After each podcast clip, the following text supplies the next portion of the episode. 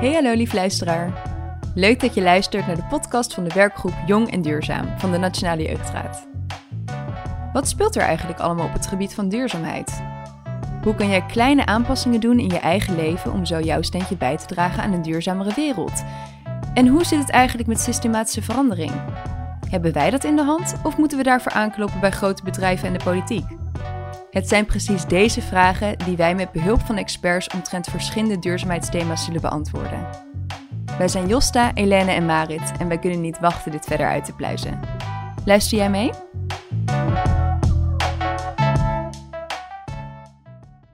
Hallo, hallo, hallo en welkom bij onze eerste podcast. Welkom iedereen, superleuk. Ja, ook wel een beetje spannend moet ik zeggen. Mijn naam is Josta en naast mij zit Helene.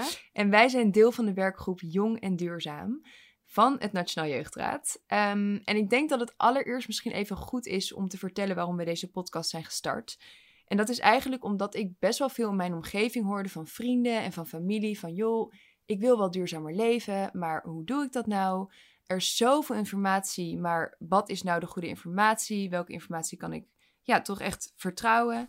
Ehm, en dat was eigenlijk een reden dat ik dacht, hoe chill zou het wel niet zijn als er een soort van verzamelplek komt die al deze vragen beantwoorden en waarvan je zeker weet dat de informatie die je krijgt ook echt goed is. Ja, en ook op een toegankelijke manier, want dat is ons doel. We willen de informatie toegankelijk houden en ook antwoord geven op de vraag welke kleine veranderingen kan jij nu doen om zelf je steentje bij te dragen aan een duurzame wereld. Klopt. En daarin gaan we ook in gesprek met experts op het gebied van een heleboel verschillende thema's omtrent duurzaamheid.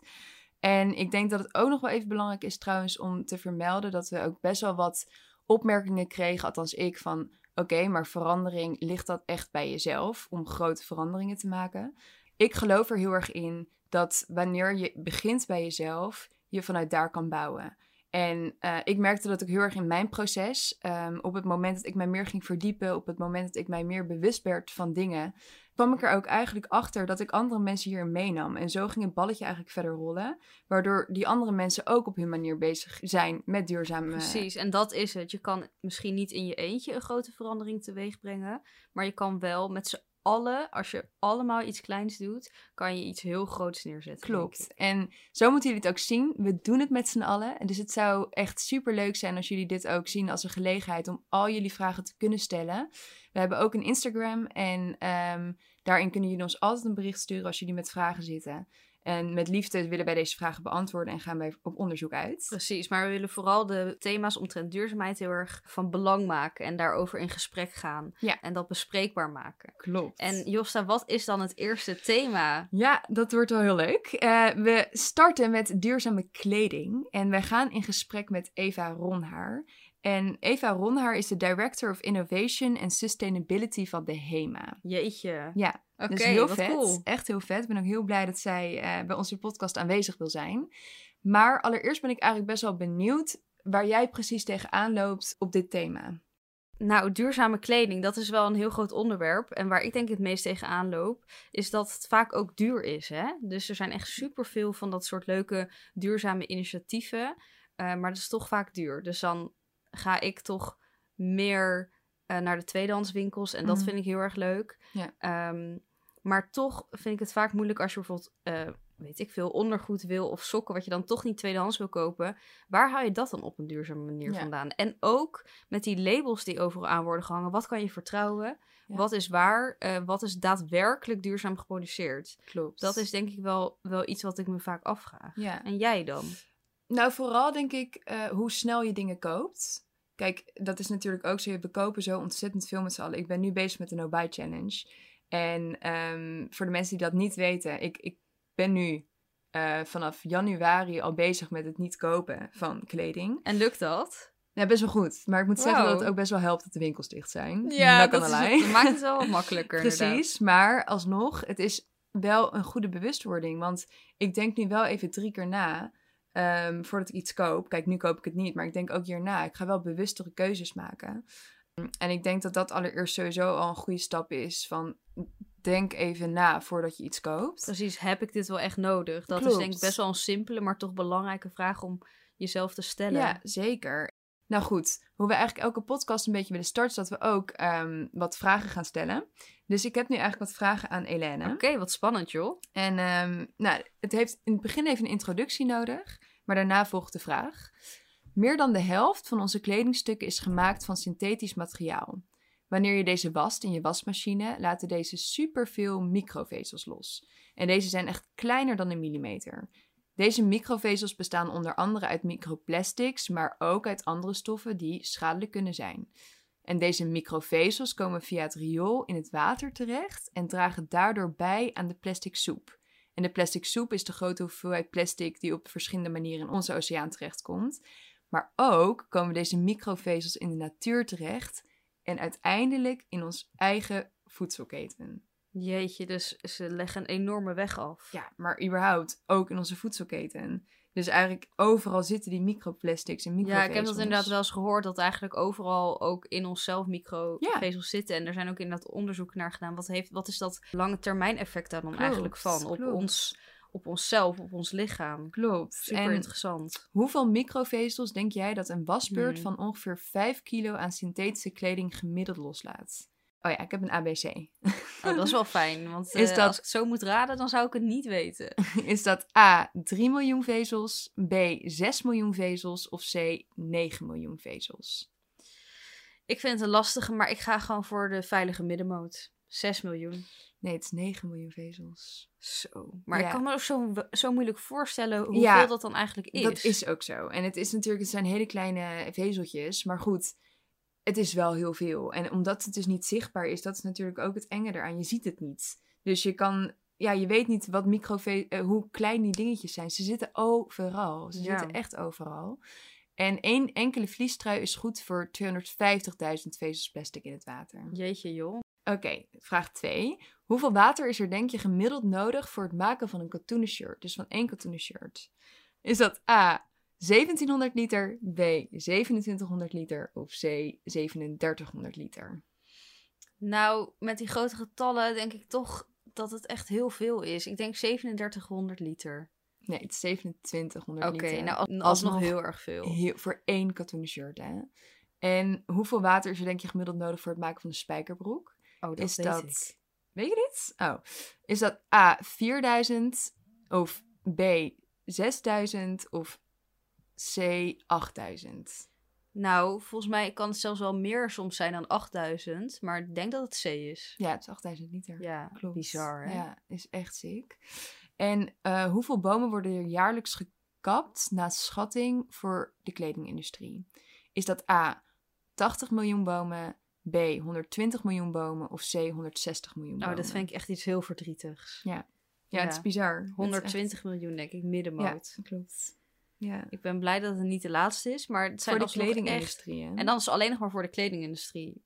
Bizar. Mm, mm. ja, het is echt sick. En ook een leuk feitje tussendoor, waar ik mezelf wel heel erg in herken. Ja. 80% van de tijd draag je eigenlijk maar 20% van je garderobe. Nou, dat denk ik inderdaad. Mm. Tenminste, de meeste mensen misschien wel. Nou, ik sowieso. Misschien nog wel minder. Want ja, ik heb echt? altijd...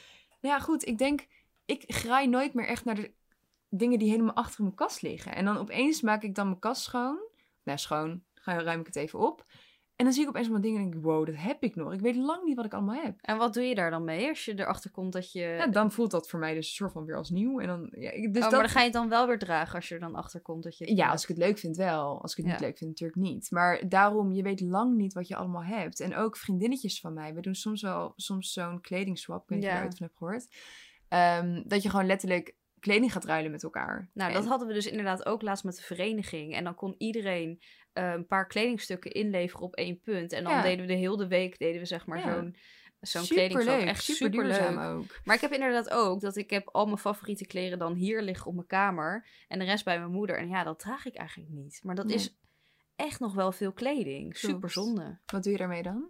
Ja, dat ligt daar nu. Ik denk dat ik dat binnenkort maar eens een keer op Vinted ga zetten. Oké, ik wil er eerst zo even in kijken. Ja, is goed afgesproken. Dan mag jij bij mijn kleding kijken. Oké, deal. Ehm, maar goed, dat is dus sowieso ook wel iets leuks om eh, ook aan Eva te vragen. Van joh, hoe ga je daarmee om met al deze kwesties? En weet je, hoe meer je ook weet, hoe schuldiger je er ook eh, door kan voelen. En Dat ik denk, is echt zo, daar herken ik me in. Ja, ik ook. Maar ik denk dat het ook heel belangrijk is, ook voor de luisteraar. Weet je, wij zijn hier niet om je ehm, ja, te verplichten om niks meer te kopen. We zijn hier ook niet om je te verplichten om nooit meer fast fashion te kopen of nooit meer plastic te gebruiken. Of wij willen jullie gewoon toegang geven tot bepaalde informatie en wat je daarmee doet is aan jou. Maar goed, ik denk dat ik het hartstikke leuk zou vinden om Eva in te bellen. Ja, ik ben heel erg benieuwd wat ze allemaal te vertellen Ik heeft. ook, ik ook. Dus eh, laten we het dan ook maar gewoon snel doen. Ja, laten we er gaan bellen. Cool. Zo, hoi Eva. Superleuk dat je er bent. Welkom. Dank jullie Ehm, wel. Nou, eigenlijk zou ik je eerst gewoon even willen vragen. Ja, we hebben je net al een korte introductie gegeven, maar om jezelf nog even voor te stellen. Dus wie ben je? Wat doe je? Precies. Ja, tuurlijk. Ja, ik ben Eva Ronnaar. Ehm, ik ben eh, 36 en ik werk nu al bijna zeven jaar ehm, bij HEMA. En dat doe ik in de rol van eh, Director of Innovation and Sustainability. Ja, dus dat heeft echt te maken met het eh, verduurzamen van eh, ons assortiment en de manier waarop we opereren. We kijken ook heel erg naar de keten, dus wat gebeurt er in de landen waar we onze producten vandaan halen. Ehm, en daarnaast hou ik mij ook bezig met de HEMA Foundation. Ehm, ja, dat is eigenlijk een hele mooie rol voor een heel Ja. mooi bedrijf. Klopt, wat tof. Superleuk om te horen. En wij kort in de introductie ook al tegen... Ja, we liepen zelf al tegen bepaalde dingen aan. En vooral ook wat we in mijn omgeving heel erg hoorden van... eh, nou, mensen die toch duurzame kleding willen, maar die toch best wel vaak wat duurder vinden. En we vroegen ons af, is dit wel echt zo? Of zoeken we dan in de verkeerde hoek? Of ja, we weten gewoon niet zo goed hoe we daar een soort van een antwoord op kunnen krijgen eigenlijk. Ja, nou dat snap ik wel. En het is ook voor mij een uh, veelgehoorde vraag hoor. En ik denk dat het sowieso mooi is dat mensen ermee bezig zijn en dat ze dus dit soort vragen al hebben. Dat is wel een heel goed teken, want dat betekent dat ze dus al uh, bewust zijn. Ja, kijk, als je een wat duurder merk bent of uh, ja, wilt kopen, uh, dan moet je bedenken dat zij natuurlijk met het inkopen hebben zij wat bredere marges. Dus zij hebben iets meer ruimte om bepaalde dingen te ondernemen en misschien sneller bepaalde stappen te maken of duurzamere uh, materialen in te komen. Zij zouden iets sneller kunnen. Mm-hmm. Het wil niet zeggen dat dat dan ook gebeurt, natuurlijk. Dus dat, um, dat het duurder is, wil niet zeggen, per se zeggen dat het beter is. Het is wel zo dat als iets goedkoper is, dat je marge smaller is en dat het dus een grotere uitdaging kan zijn. Ja. En dat herken ik in die zin ook wel bij HEMA, want wij zijn natuurlijk, nou ja, HEMA staat voor Hollandse Eenheidsprijzenmaatschappij. Dat gaat er echt over dat ja, eigenlijk het voor iedereen betaalbaar is, hè, daar komt het vandaan. Dus wij hebben ja, echt wel een HEMA-prijs, dus dat zijn niet de hoogste prijzen. Um, waarbij je dan wel wil dat mensen duurzame materialen en duurzamere producten kunnen kopen, maar toch voor die, uh, ja, die prijs die je van ons gewend bent. En dat kan soms een uitdaging zijn. Ja, ja dat is best wel een dilemma dan. Ja, het is best wel een dilemma inderdaad. Want kijk, je hebt duurzaam natuurlijk, maar in mijn ogen is bijvoorbeeld tweedehands ook duurzaam. En dat hoeft niet per se dan nieuw te zijn.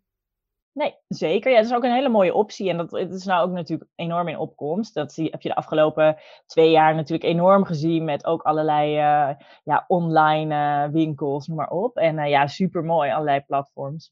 Dus ik denk dat dat ook heel goed is. Dus er zijn ook wel verschillende mogelijkheden hoor. Ik denk dat heel veel bedrijven die zijn, zijn ermee bezig om te verduurzamen. En daarnaast zijn inderdaad ook opties inderdaad voor tweedehands of kledingruil. Nou ja, er, je ziet van alles opkomen en gebeuren. Ja, want ik kan me voorstellen dat um, als je uh, ook betaalbare kleding, maar ook duurzame kleding wil. En dat toch de materialen en ook de manier waarop het op wordt geproduceerd toch wel duurder zijn. Dat het dan wel lastig is om toch voor een betaalbare prijs dat aan te bieden. Dus hoe vinden jullie daar dan de balans in? Ja. ja, en dat is een hele goede vraag. En dat is dus precies mijn, mijn baan. Dus om die balans te vinden. Kijk, voor ons is het uitgangspunt wel dat het een bepaalde. Het mag natuurlijk wel iets duurder zijn, maar het mag niet in een, een ontzettend duur product worden. Want ja, uiteindelijk, uh, ja, net wat ik zei, staan wij ervoor dat het voor iedereen toegankelijk moet worden. En duurzaamheid hoeft in die zin ook niet duur te zijn. Ik vind het ook Nee. niet. Um, helemaal passen bij het gedachtegoed van duurzaamheid dat een, dat een t-shirt per se 60 euro, een wit t-shirt per se 60 euro zou moeten kosten. Want het is ook niet voor iedereen betaalbaar. Nee. Um, dus ik vind het mooi, hè, de uitdaging om het voor iedereen toegankelijk te maken. Um, dat kan soms betekenen dat we iets langer ergens over doen. Uh, dus dat we zeggen, nou ja, we doen geen vijf jaar erover om deze doelstelling te behalen, maar misschien zeven jaar. En dat is prima, denk ik, zolang je maar je stappen maakt en erover communiceert en daar transparant over bent. En het kan soms ook zijn dat je zegt van, joh, ik ga niet meteen naar de aller, allerbeste optie of de meest duurzame optie, maar ik maak een tussenstap. En als we die hebben behaald, behalen we, gaan we weer naar de volgende stap. Dus dat je een soort, ja, dat je het meer trapsgewijs doet. En wat is die tussenstap dan? Nou, dat is heel erg afhankelijk van wat, van wat voor um, uh, product of materiaal je het over hebt. Maar bijvoorbeeld, je hebt natuurlijk, um, nou, laat ik iets noemen, uh, je hebt um, je hebt duur, verschillende soorten van uh, katoen. Hè. Je hebt natuurlijk organic cotton, maar je hebt bijvoorbeeld ook uh, BCI katoen. Nou, organic cotton, dus dat is biologisch katoen, is veel duurder uh, dan BCI. Mm -hmm. um, dus ja, dan maken een heleboel bedrijven zeggen dan eigenlijk als tussenstap, nou, dan gaan we eerst in ieder geval helemaal over naar BCI of grotendeels. En daarna gaan we weer een stuk kijken naar, um, ja, misschien biologisch. En ook vanwege de marktwerking, die is veel minder uh, bio beschikbaar in die zin. Dus dat, ja, dat is gewoon uh, duurder op het moment nog. Oké, okay, Dus ja, zo kun je een tussenstap maken, ja. ja. Want je vertelt inderdaad net ook al over biologisch, duurzaam, maar je hebt natuurlijk ook ja, schone, vegan, ecologische, fairtrade kleding. Er zijn gewoon zoveel, ja, een soort van keurmerken, labels die de mensen eraan hangen. Um, maar wij vroegen ons nou af, wanneer is nou echt iets duurzaam? Wanneer mag je echt iets duurzaam noemen? En wanneer mag je überhaupt al die labels er een beetje aan plakken eigenlijk? Ja, nou, ik denk, dat is een hele goede vraag. En er zijn eigenlijk twee dingen. Er is een label, en eigenlijk zeg je het al een beetje, er zijn labels en keurmerken. Ja. En ik denk dat het um, voor iedereen heel goed is om te beseffen dat dat twee verschillende dingen zijn. Dus een keurmerk is echt ja, een instantie die ook audit, die een audit doet, dus echt onderzoekt of jij je houdt aan de regels en alles gecertificeerd is. Dus bijvoorbeeld het woord um, biologisch is beschermd. Mm-hmm. Dus dat is een, uh, dit mag je alleen op een product zetten als je daarvoor ook inderdaad gecertificeerd bent. En dus alle schakels in jouw keten daarvoor ook gecertificeerd zijn. Die moeten allemaal zo'n certificaat hebben en in een systeem staan, noem maar op. Dus door het kopen van keurmerken, of iets wat een keurmerk heeft, um, ja, weet je eigenlijk best dat je goed zit. Okay. Um, of tenminste dat er een mooie een, een, een stap is gemaakt. Want niet ja, een keurmerk dekt natuurlijk ook maar een gedeelte af. Maar um, ja, dat is wel goed afgedekt in die zin. Oké, ja. okay. en een label dan? Nou ja, kijk, een label is meer, ja, wat is een label? Dat kan bijvoorbeeld zijn een woord of uh, je ziet nu ook heel vaak dat bijvoorbeeld zeggen, uh, ja, het is um, dichtbij ingekocht. Of uh, nee, dat zijn allemaal soort van claims die ja. niet per se um, onderbouwd zijn. Daar zit geen okay. keurmerk achter. Dus we kunnen eigenlijk wat minder vertrouwen op de labels. Nou ja, kijk, ik denk um, als een bedrijf daar gewoon transparant in is. Dus als ze bijvoorbeeld zeggen, joh, dit komt van dichtbij. Of, mm -hmm. nou, dat is dus niet, weet je wel, dit, dit, hebben we dichtbij gehaald of dichtbij mm. ingekocht. En ze laten zien waar dat is, dan is dat prima. Uh, maar het is dan wel belangrijk dat het ook onderbouwd wordt, denk ik. En dat je dat als consument kan zien. En het, er is inderdaad heel veel. En er zijn ook um, uh, mooie websites waar je vergelijkingen kan vinden. Ja, en wat is dan zo'n website? Kan je daar eentje van noemen bijvoorbeeld? Ja, zeker. Dus een plek waar ook echt uh, verschillende keurmerken worden vergeleken. Dat is de Keurmerkenwijzer en dat is van Milieu Centraal. Oh, en dat is een onafhankelijk instituut. Ja.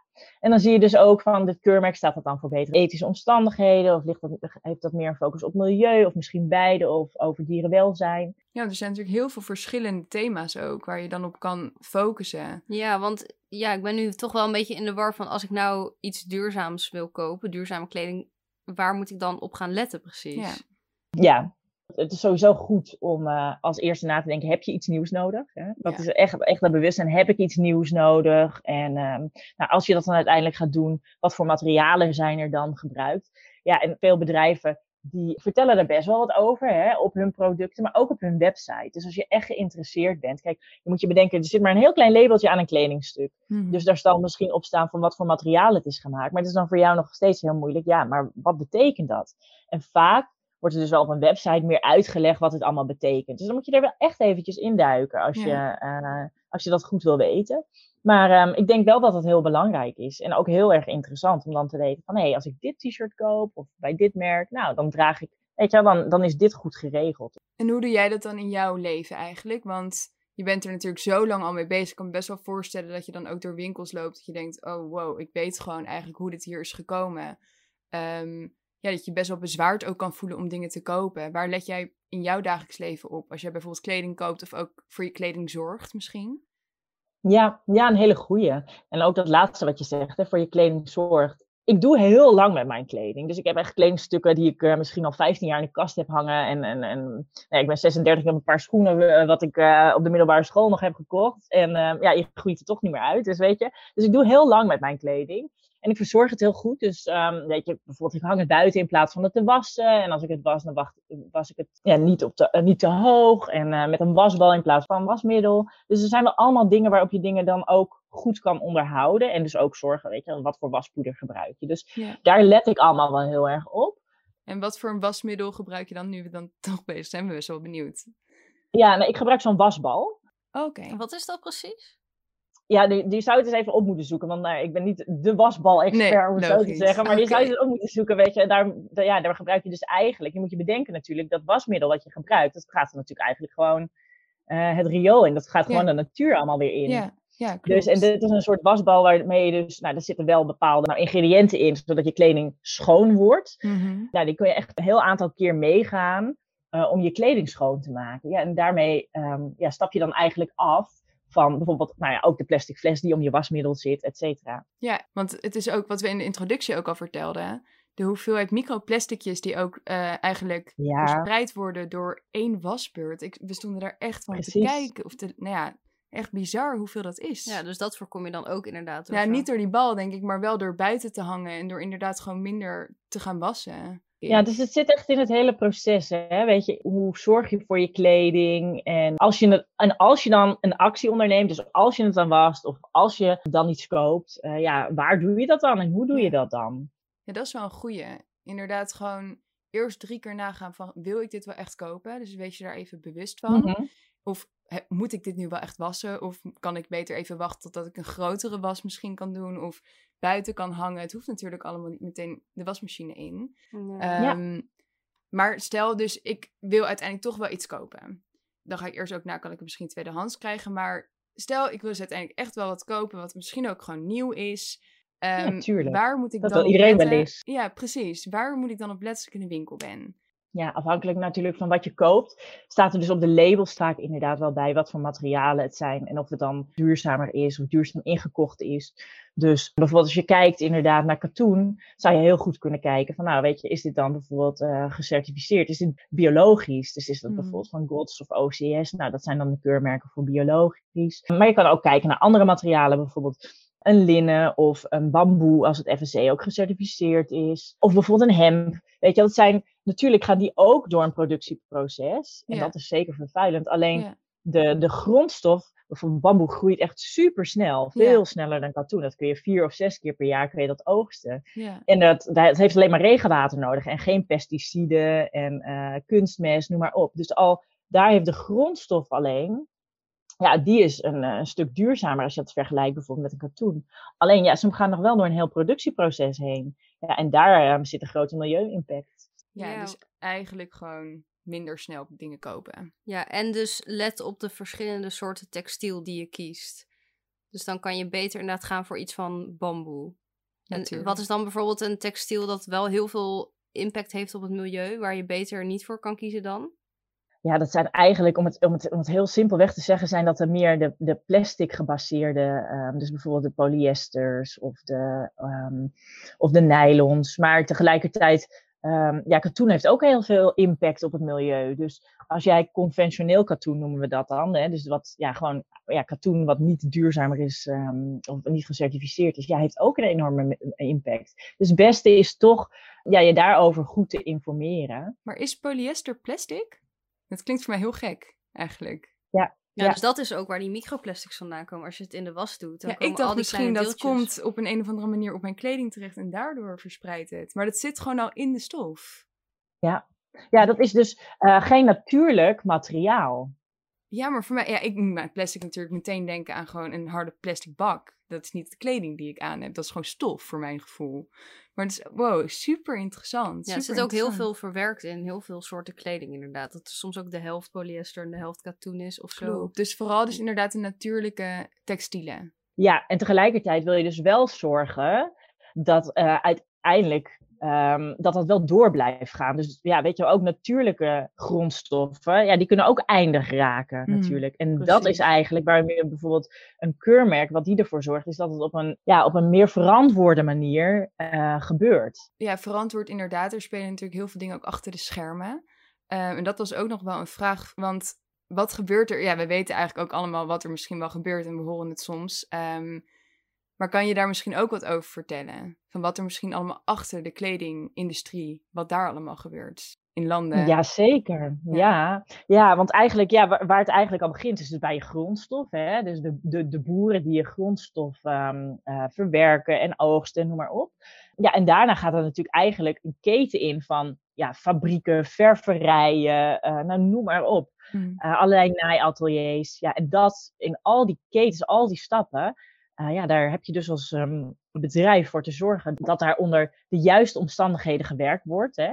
Ja. Uh, dus dat is gewoon internationale en nationale wetgeving. En daar moet je dan aan voldoen. En tegelijkertijd wil je ook zorgen dat ja, de uitstoot niet enorm is. We kennen allemaal die plaatjes natuurlijk van bijvoorbeeld een Greenpeace. Dat er uh, in bepaalde landen, vooral in uh, Zuidoost-Azië, dat er allemaal, ja, dat de rivieren blauw of paars gekleurd zijn. Mm. Ja, dat wil je gewoon voorkomen natuurlijk. Dat, dat, dat mag niet. Dus ja, dat is waar je dan allemaal voor inzet. En ja, dat doe je in al die landen waar je dan aanwezig bent, waar je mensen hebt. Dus dat is heel veel werk. Um, maar ja, dat is wel een soort verantwoordelijkheid die je hebt als je spullen op de markt wil brengen. Want waarom wordt kleding vaak onder slechte omstandigheden gemaakt en ook vaak in arme derde wereldlanden? Ja, dat is een goede vraag. En het zijn wel twee verschillende dingen. Dus het wil niet per se zeggen, en dat is nog wel iets wat veel consumenten denken. En dat snap ik ook. Hè? Dat, dan lezen ze bijvoorbeeld ergens een labeltje op en dan zeggen ze bijvoorbeeld, nou, ik noem maar alleen al bijvoorbeeld China of Bangladesh of Pakistan, India. En dan denken ze, oh, dat zal wel helemaal niet goed zijn. Maar dat hoeft niet. Dat hoeft niet. Wij hebben fabrieken in Bangladesh. Nou, dat is echt gewoon fantastisch als je dat ziet. Hoe goed dat in elkaar zit en hoe netjes. En hm. dat is echt ongelooflijk. Um, dus dat hoeft zeker niet. Maar ik snap wel dat het een bepaald, bepaald gevoel met zich meebrengt. Ja, waarom kiezen we voor bepaalde dingen? Ja, en dat is net, al, net als een consument. Zo doet een bedrijf dat natuurlijk ook. Je hebt een bepaalde hoeveelheid geld. En uh, ja, en, en, daar moet je het mee doen. Dus dan ga je natuurlijk op zoek naar een uh, goede prijs-kwaliteit combinatie. En nou ja, tegelijkertijd, dat, ja, er zijn een heleboel landen in Zuidoost-Azië die daar natuurlijk ook gewoon, ja, dat is hun eerste bron van inkomen. Die drijven helemaal op de kledingindustrie. Mhm. Dus die zijn erin gespecialiseerd, die hebben goede technieken, die hebben vaak ook de materialen in hun eigen land, daar zijn die vaak aanwezig. En anders zijn dat het buurlanden. Dus ja, dat, dat, dat is allemaal eigenlijk al een beetje zo georganiseerd. Ja, en hoe kom ik er dan achter welk bedrijf zich er wel meer aan houdt? Moet ik dan naar die keurmerken kijken? Dat zou kunnen. Ik denk dat het ook altijd goed is om de bedrijven gewoon op hun eigen website te kijken. De meeste bedrijven tegenwoordig brengen ook wel een uh, duurzaamheidsverslag uit, één keer per jaar. En daarnaast zijn er allerlei externe partijen die allerlei indexen en monitoring en benchmarks hebben. Wat je daarbij wel moet um, onthouden is vaak veel benchmarks gaan over wat er gecommuniceerd wordt. Wat is een benchmark? Een benchmark, ja, dat is een goede vraag, sorry. uh, ja, dat is een benchmark. Dus eigenlijk dat je verschillende uh, bedrijven op een rij zet en bekijkt, oké, wie voldoet er aan deze en deze eisen? Oh, okay. En dan krijg je er uiteindelijk een soort van rijtje uit van, nou ja, wie doet het dan het best, gebaseerd op deze criteria. Okay. Maar heel vaak is dat op basis van wat er gecommuniceerd wordt. En er zijn bedrijven die doen het heel goed en communiceren weinig en zullen dus slecht uit zo'n zo'n benchmark komen, om het zo te zeggen. Mm En er zijn bedrijven die doen het niet zo goed en die communiceren heel veel. Ja. En die komen heel goed uit. Dus dat is natuurlijk gechargeerd, hè? want zo'n benchmark heeft echt wel nut. En dat staat ook echt zeker ergens voor. Alleen het, gaat niet per se over wat er gebeurt, maar over wat er gecommuniceerd wordt. En dat kan ook niet anders, want ja, dat is het enige waar zo'n benchmark zich uh, aan vast kan houden. Ja, het lijkt me ook lastig, want het klinkt als een heel complex systeem. En je zegt ook van zo'n kledingstuk, ja, dat, dat gaat heel veel stappen door. Maar hoe check je dan dat al die stappen op een duurzame manier gebeuren als bedrijf? Ja. Ja, wat, wat je doet is je werkt op, um, op ethische omstandigheden, dus goede arbeidsomstandigheden. Uh, doen we audits in de keten, dus dat is eigenlijk, uh, zijn dat fabrieksbezoeken. Dan ga je langs bij fabriek om te kijken, joh, onder wat voor omstandigheden werken de mensen hier dus nu? En voldoet dat dan bijvoorbeeld aan de richtlijnen van de ILO, de International Labour Organization, aan al deze punten? Dus daar zijn hele systemen voor. Maar ja, dat is natuurlijk een begin. Ja vanuit zo'n audit ga je dan vervolgens verder samenwerken. Krijgen mensen in de fabriek krijgen trainingen en uh, worden verbeterplannen gemaakt. Dus het is echt een continu proces. Je bent nooit klaar. Want ja, je kan een jaar geleden een audit hebben gedaan en het zag er best goed uit. Maar dat wil niet zeggen dat het blijvend is, want je gaat één keer langs. Ja. Dus ja, je moet continu daar blijven. En daarom werken ook heel veel partijen deels met keurmerken, omdat die dus ja, lang niet alles en ook niet alle keurmerken doen op sociale audits, dus arbeidsomstandigheden. Maar ze dekken wel een deel af. Oké. Ehm, en dat is natuurlijk super fijn. Ja, dus het is wel zo dat dus als ik door een winkel loop en ik hou me een beetje aan die keurmerken, dat ik wel een duurzamere keuze maak. Een duurzamere, ja, Ja, precies. precies. Dus Niet ja, een volledig duurzame, dat is misschien lastig. Dus ik denk, als ik dus echt een duurzame keuze wil maken, is het misschien de keuze om het niet te kopen. Dat denk ik wel. Ja. Ja, ja ehm, en dus... als jij een, eh, iets koopt, een, een, een vest wat, waarvan je weet, nou, dit, dit gaat acht jaar mee. Ja, dat is een heel ander verhaal dan koop. als je iets koopt. Ja, be- echt bewust. Ja, Ja, ik denk een precies. bewuste, een bewuste consument, maar ook gewoon bewust, ja, bewustzijn ervan. Zou je dan zeggen dat onze mindset eigenlijk een beetje moet veranderen? Want nu is het eigenlijk het idee dat als je met de mode mee wil gaan, dat je wel ja, dat elk seizoen weer iets nieuws in de mode is. Terwijl duurzaam houdt juist in dat je er lang mee door kan gaan. Dus zou je dan zeggen dat er eigenlijk een soort mindset verandering moet zijn bij mensen op het gebied van mode, inderdaad? Ja, ik denk van ons allemaal, want we houden het natuurlijk met z'n allen in stand. Hè? Kijk, dus ehm, ehm, ja, bedrijven zeggen ja, de klanten vragen en de klanten zeggen ja, bedrijven die bieden weer iets nieuws aan. Dus weet Ja. je, ehm, er zijn natuurlijk heel veel partijen in, in- ja, die dit gewoon met elkaar in stand houden. Dus ik denk dat we allemaal, ik denk dat je gelijk hebt. We moeten iets veranderen in de manier van denken en de manier van hoe we hiermee omgaan. Maar dat moeten we samen doen. Ja, Dus eh, ja, zeker ligt er een stukje bij de bedrijven en ligt een stukje bij de consument. En ik denk dat het, eh, ja, daar moet je samen in optrekken. Ja, en dus inderdaad wel toegang bieden tot bepaalde informatie die misschien niet voor iedereen zo 1, 2, 3 Absoluut. toegankelijk is. Dus daarom ben ik wel heel blij dat jij nu deze informatie met ons deelt. Misschien ook bepaalde informatie, dus inderdaad wat er achter de schermen gebeurt. Je ziet soms een beetje een eendimensionaal ja, verhaal, hoor je alleen maar. Dus ga daar ook over met elkaar in gesprek en kijk wat andere mensen in jouw omgeving doen. En leer ook van elkaar en eh, probeer dat ook een soort van door te geven aan de rest. En ik vroeg me ook nog heel erg af, want ik merk nu heel erg ook, ik heb heel veel kleding. Ik doe nu zelf, wat ik ook al in de introductie zei, be- ben bezig met de no-buy challenge, dus nu koop ik even niks. Goed. Ehm, ja, dus Goed. dat is heel goed. Het gaat me ook gelukkig goed af, dus dat is fijn. Ja? Maar ik heb dus best wel wat kleding. En dat kregen we ook al best wel als vraag. Van joh, wat doe je nou met de kleding die je eigenlijk niet meer zo veel draagt. Die nog wel in je kast ligt. Wat kan je daarmee doen? Ja, goede vraag. Nou, ik denk heel veel. Er, is echt, eh, er zijn zoveel mogelijkheden dat het bijna een. ehm, ja, waar zou je bijna voor kiezen? Want nou, ik kan natuurlijk een kledingruil doen. Of kan natuurlijk tegenwoordig echt op superveel platformen ook verkopen, hè, online. Eh, je kan het wegbrengen bij eh, bepaalde winkels. En dan krijg je eh, soms nog weer een voucher voor. En je kan natuurlijk, er zijn ook heel veel bakken. Natuurlijk bakken Ja. die, ehm, die door, de, ehm, door de gemeente worden aangeboden. En dat is je papierbak, je glasbak en de kledingbak. Ja, de En kleding. eh, ja, Dus er zijn eigenlijk op iedere, ja, ik zou bijna zeggen in iedere wijk, je hoeft er niet ver voor. Nee. Ehm, dus er is altijd wel een oplossing. In Ja. iedere wijk is er een kledingbak. Nou ja, en weet je, ik heb ook veel kleding, net wat ik zei. En ehm, ik doe er ook heel lang mee. Ik ben er zuinig op. En eh, als ik toch denk, joh, ik, ik, ik heb dit nooit meer aan. Of ik ben erop uitgekeken toch op een gegeven moment na zo'n lange tijd. Nou, soms kan ik er iemand nog blij mee maken. En anders, eh, ja, dan eh, breng ik het ook weg. Gooi ik, doe ik het in de bak.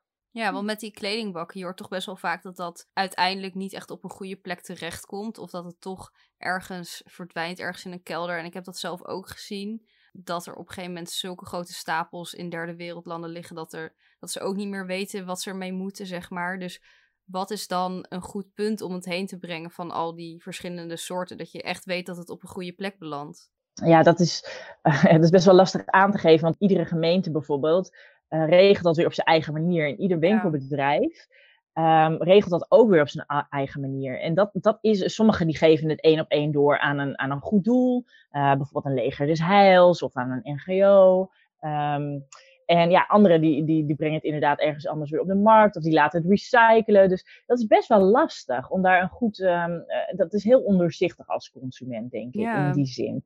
Ik ga er zelf echt van uit van wat ik weet en de partij die ik weet, dat ze het wel gewoon aan, ja, naar hun best, op hun beste manier doen. Ja, dat het slecht terechtkomt, dat denk ik zeker niet. Maar ik geef wel toe inderdaad dat het eh, op het moment niet heel doorzichtig is dat als jij dit in de bak gooit, wat gebeurt er dan eigenlijk mee? En ik denk ook wel dat veel, dat, dat veel mensen ervan weerhoudt. En dat is eigenlijk zonde. Ja, want dat is inderdaad wat ik wel ook veel zie. Dat mensen het ook gewoon bij het restafval gooien. En dan denk ik, joh, ja, boeit dan toch helemaal niet waar ik het gooi.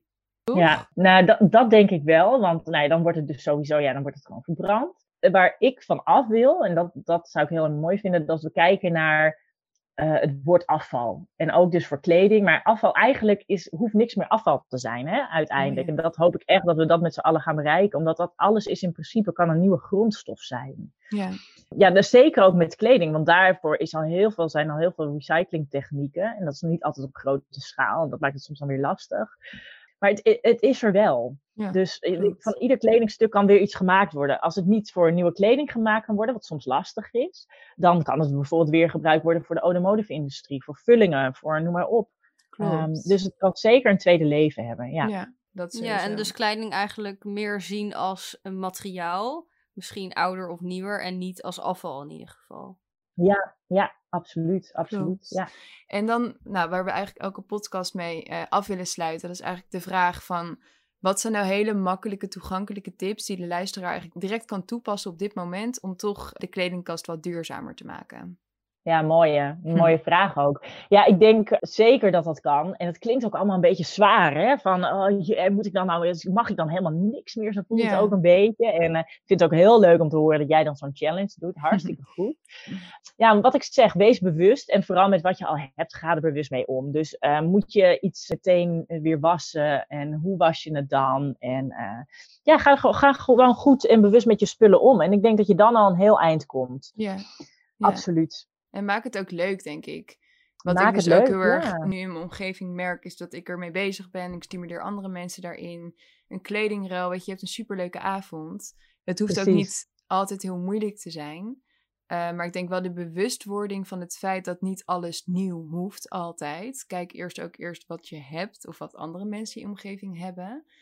Dat Ja. dat dan een hele mooie eerste stap is. Precies, en dingen als Vinted. Want jij hebt nu ook weer hele leuke schoenen. Klopt. Voor echt een prikkie. echt een prikkie. Waarvan iemand dan, waarop Helemaal nieuw. iemand is uitgekeken. en dan, ja, en dan misschien Ja. weg zou doen. Maar dan vind je dat toch weer Ja, eh, tweedehands. Ja, terwijl het gewoon nog super goed is. ja. En ook nog Ja, voordeliger. hartstikke mooi. Zeker. Dus Ja. er zijn genoeg opties.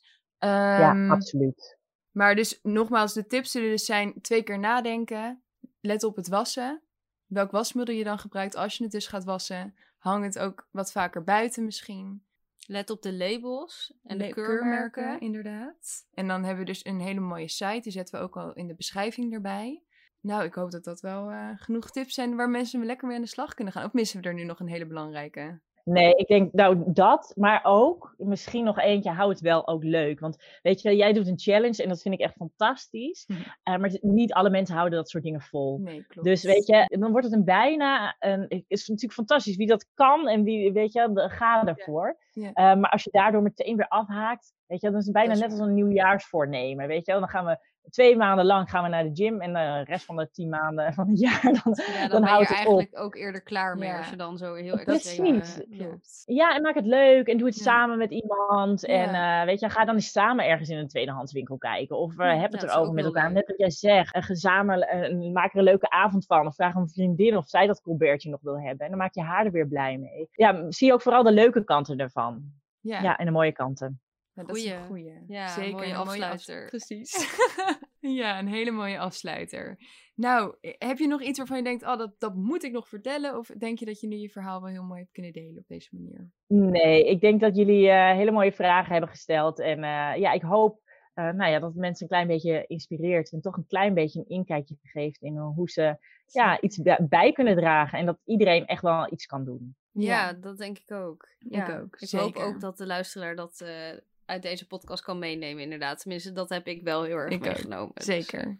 Dus Nou, nogmaals heel erg bedankt. Ehm, Jullie ook. Hartstikke bedankt dat je, dat je aanwezig wilde zijn in de podcast en voor je ontzettend mooie en inspirerende verhaal. Yes. Jullie ook bedankt, dames. Hartstikke leuk. Dankjewel. Oké, doei. Oké, dank jullie wel. Nou, dat was echt superleuk. Ik ook. Ik heb Ja. er echt veel van geleerd. Ik heb er ook heel veel van geleerd. En vooral denk ik het inderdaad nadenken van heb ik het wel echt nodig? Maar ook die keurmerken en labels. Want in mijn hoofd was een keurmerk een label. Dat is misschien in mijn ja, hoofd maar zo. er is dus echt nog wel een groot verschil tussen. heel groot inderdaad. verschil tussen. Maar ik moet zeggen, ik vind het ook nog steeds heel lastig. Ja, want het is zo'n complex verhaal. Ook dat ze Mhm. zegt van er zijn zoveel stappen die zo'n kledingstuk dan doorloopt. Ja. En ja, hoe check je dat het allemaal duurzaam is en verschillende soorten materialen en ethische verantwoordelijkheid. Dat vooral. Weet Ja. je, je hebt dus het ethische vlak, je hebt het diervriendelijk, je hebt de duurzame kant. Er zijn zoveel vragen. En Mhm. ik denk dus ook dat het voor de luisteraar, dus voor jullie eigenlijk heel belangrijk is, maar ook voor mezelf en ook voor jou.